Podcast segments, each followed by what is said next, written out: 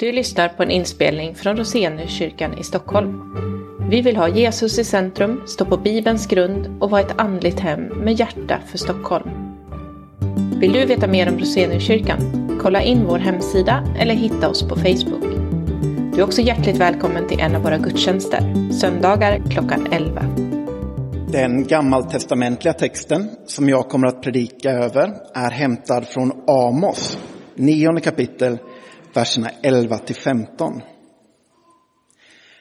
På den dagen ska jag resa upp Davids fallna hydda, mura igen dess sprickor och resa upp dess ruiner.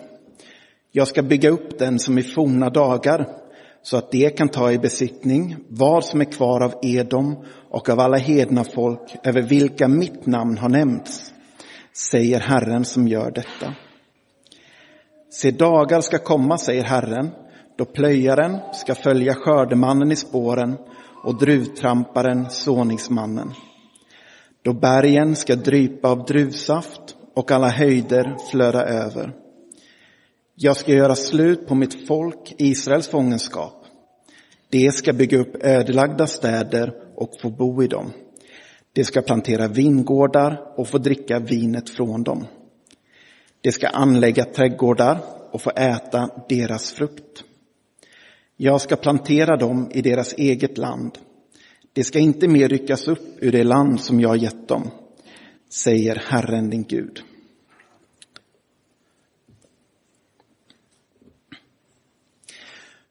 Söndagens tema, det är enheten i Kristus. Vad är det?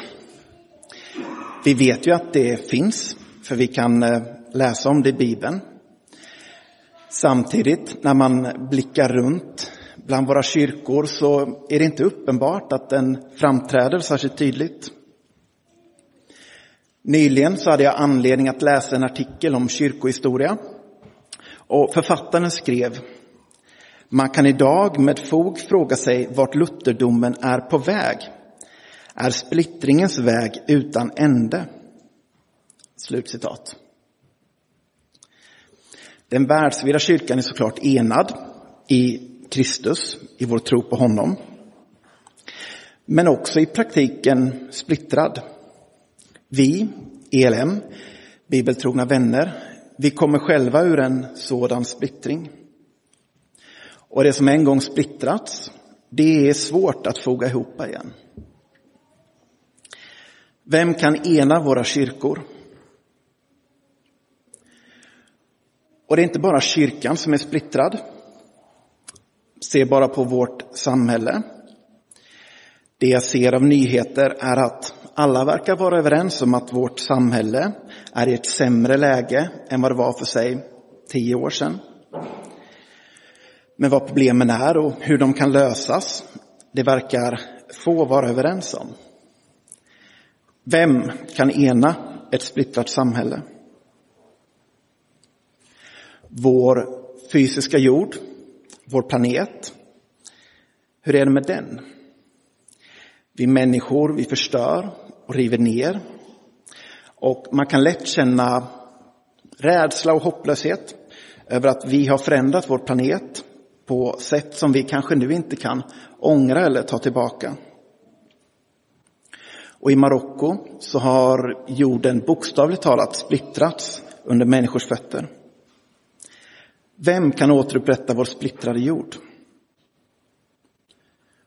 Och i våra inre, i ditt inre, är det en harmonisk enhet utan interna konflikter? Inte alls.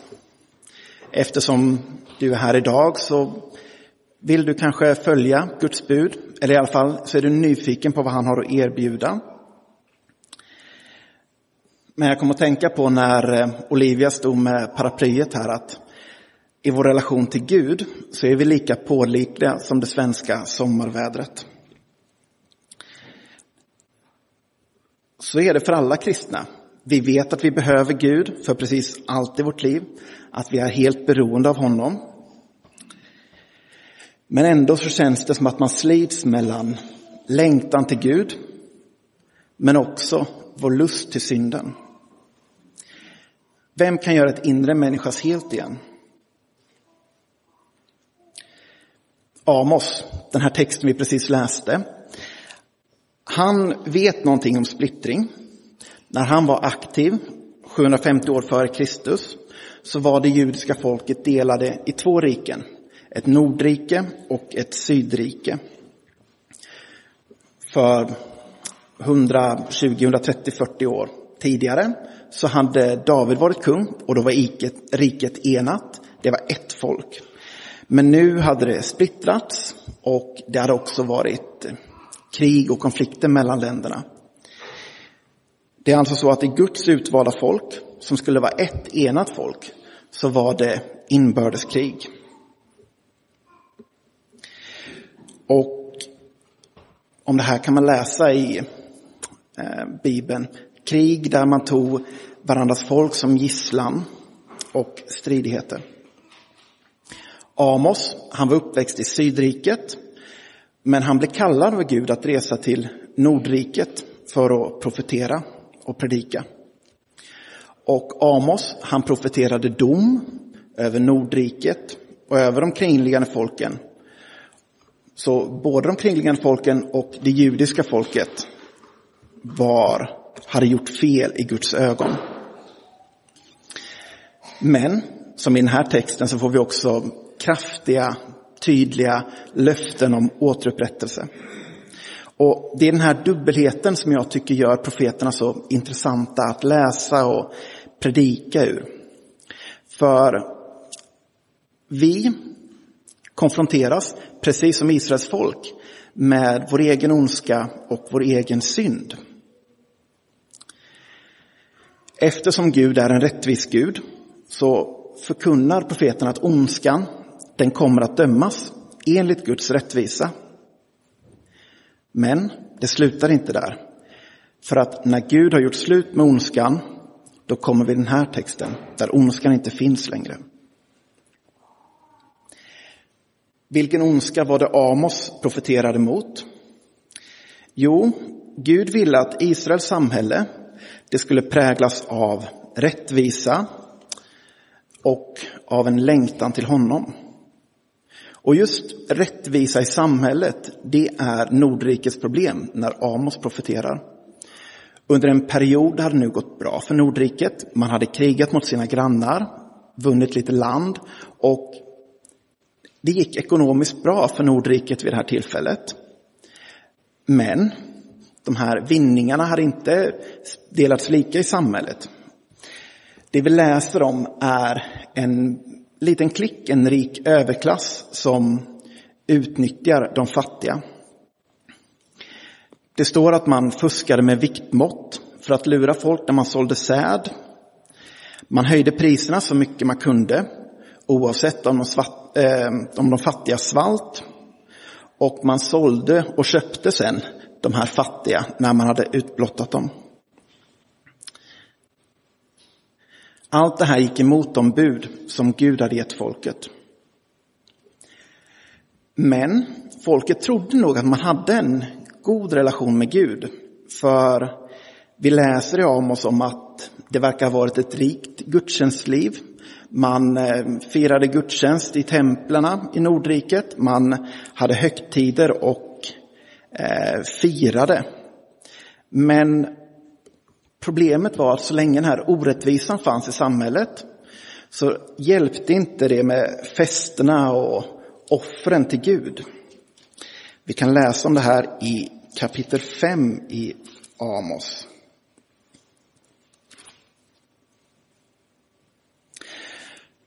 Hör därför, ni som trampar på den fattige och tar ifrån honom hans säd som skatt. Ni bygger hus av huggen sten, men ska inte bo i dem. Ni planterar ljuvliga vingårdar men ska inte dricka deras vin. För jag vet att era brott är många och era synder talrika.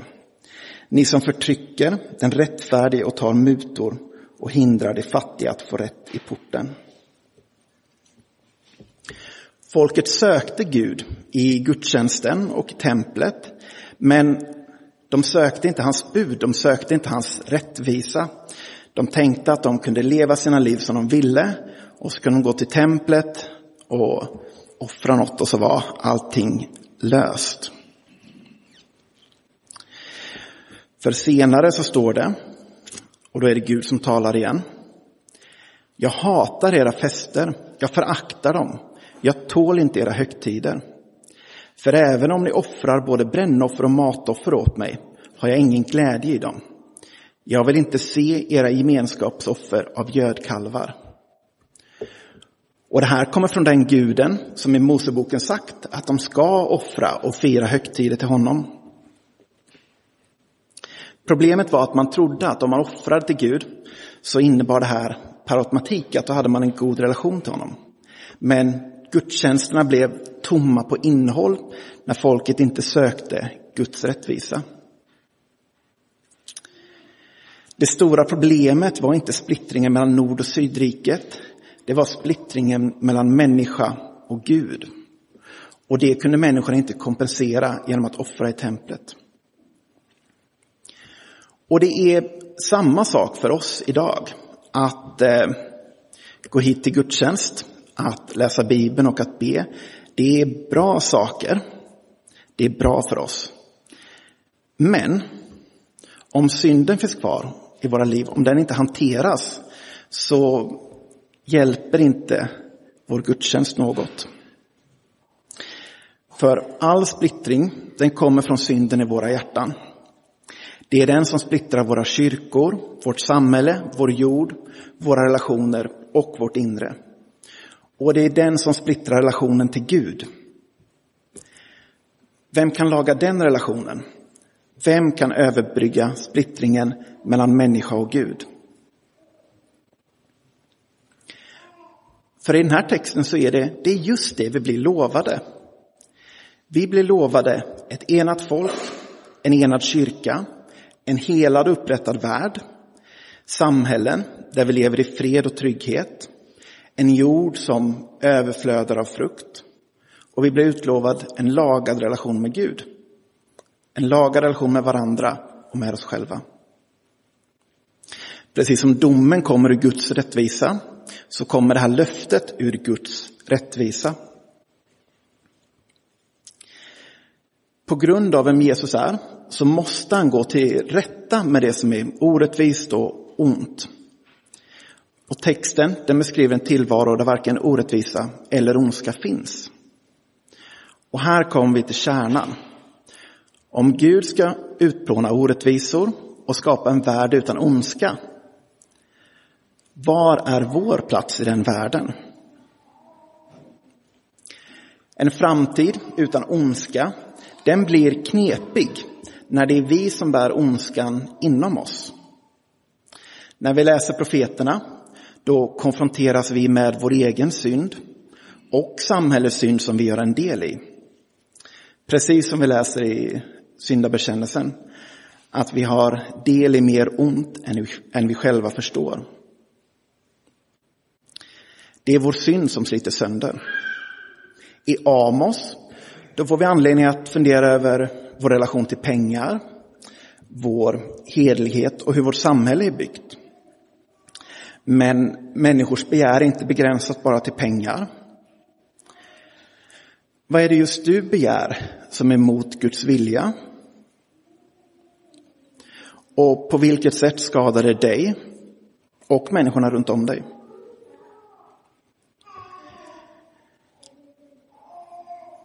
Människans natur, den har inte förändrats sedan Amos predikade.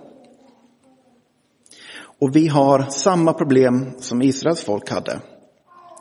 Det finns ingenting som vi själva kan göra eller offra för att blidka Gud. Så hur kommer vi nära en rättvis Gud? Guds rättvisa kräver straff för ondska. Men det är inte vi som måste ta det straffet. I syndabekännelsen, då får vi lägga bort all vår synd. Vi får kasta all vår synd på Jesus. Det straffet som vi borde fått, det tar Gud på sig själv. Vem kan ena kyrkan, våra splittrade samhällen? Vem kan hela en trasig jord och våra trasiga inre? Vem kan laga sprickan mellan Gud och människa? Det är bara Jesus, Gud själv, som kan göra det. I templet så offrade man djur för att, till Gud. Men Jesus, han är det fullkomliga offret för vår skull. Hans död på korset, det gör att det här löftet i Amos, det gäller oss fullt ut. Och vilket löfte det är vi har fått. Den här texten i Amos, den bygger på två teman som är vanligt återkommande i Gamla Testamentet och Bibeln. Det är folket och det är landet. Före Amos hade Gud utvalt det judiska folket, fört dem ur Israel upp till deras egna land.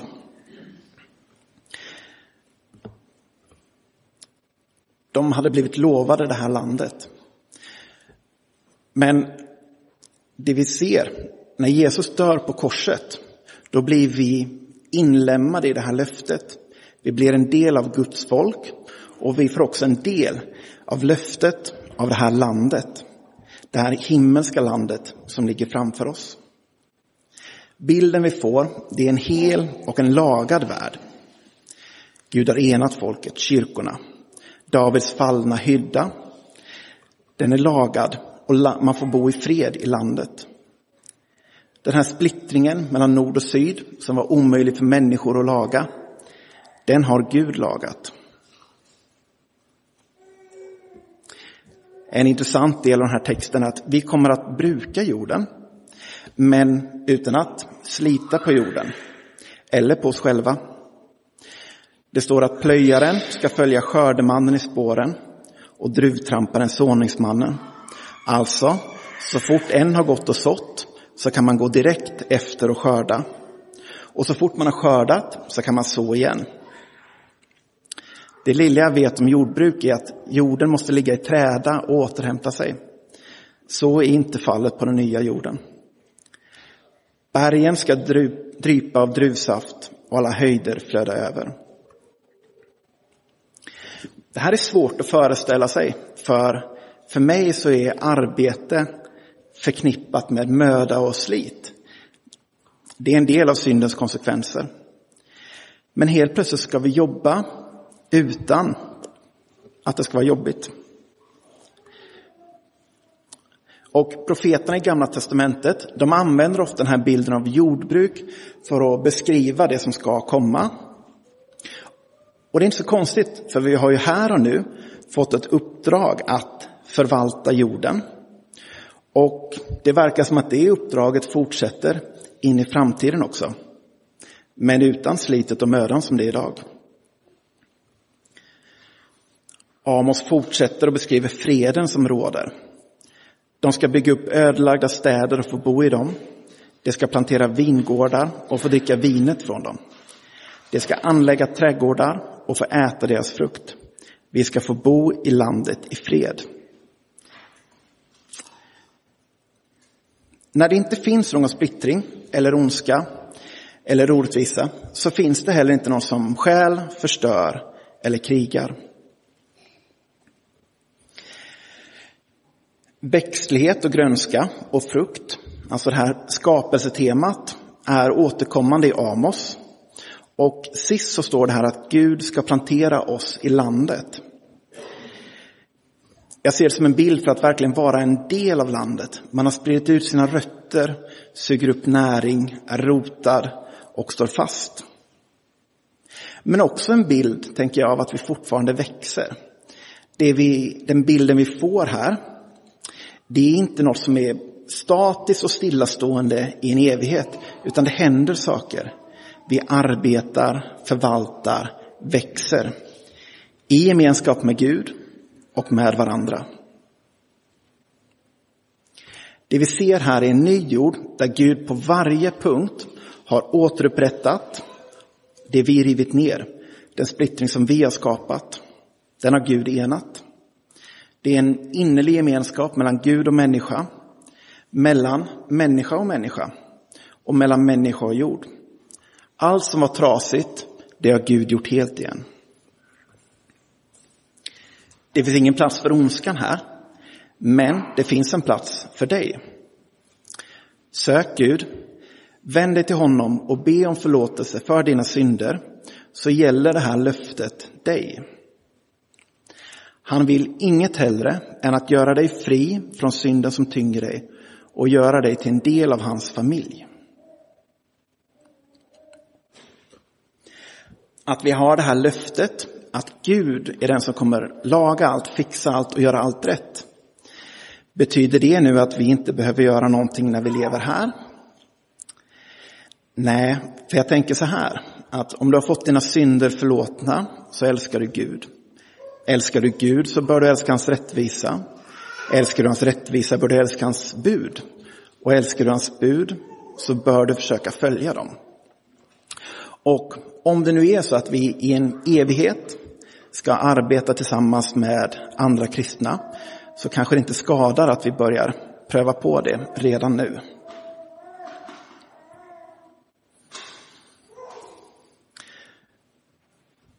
Under hösten så har ELM gett en kurs som heter eh, Rustad om att dela tron i vardagen. Och en sak jag har kommit på där är att vi är väldigt dåliga på att prata om vad vår tro faktiskt betyder för oss. Det är lätt att prata i abstrakta eller teologiska termer. Men kanske svårt att prata om vad en text betyder för oss i hjärtat. Så jag vill pröva det nu. Och Det den här texten betyder för mig, det är att allting kommer att lösa sig. Allt kommer att bli bra, för Gud, han har lovat det. Oavsett vad jag har gjort eller kommer göra, så kan Gud fixa det. Hans kraft att skapa, den är mycket större än min förmåga att förstöra. Oavsett vad jag gjort så får jag komma till Gud och säga Hjälp, förlåt mig. Och då får jag ett löfte om att allt det jag rivit ner och förstört, det kommer Gud laga. Kanske inte alltid i detta livet, men garanterat i nästa. Med Gud löser sig allt. Allt blir bra. Låt oss be.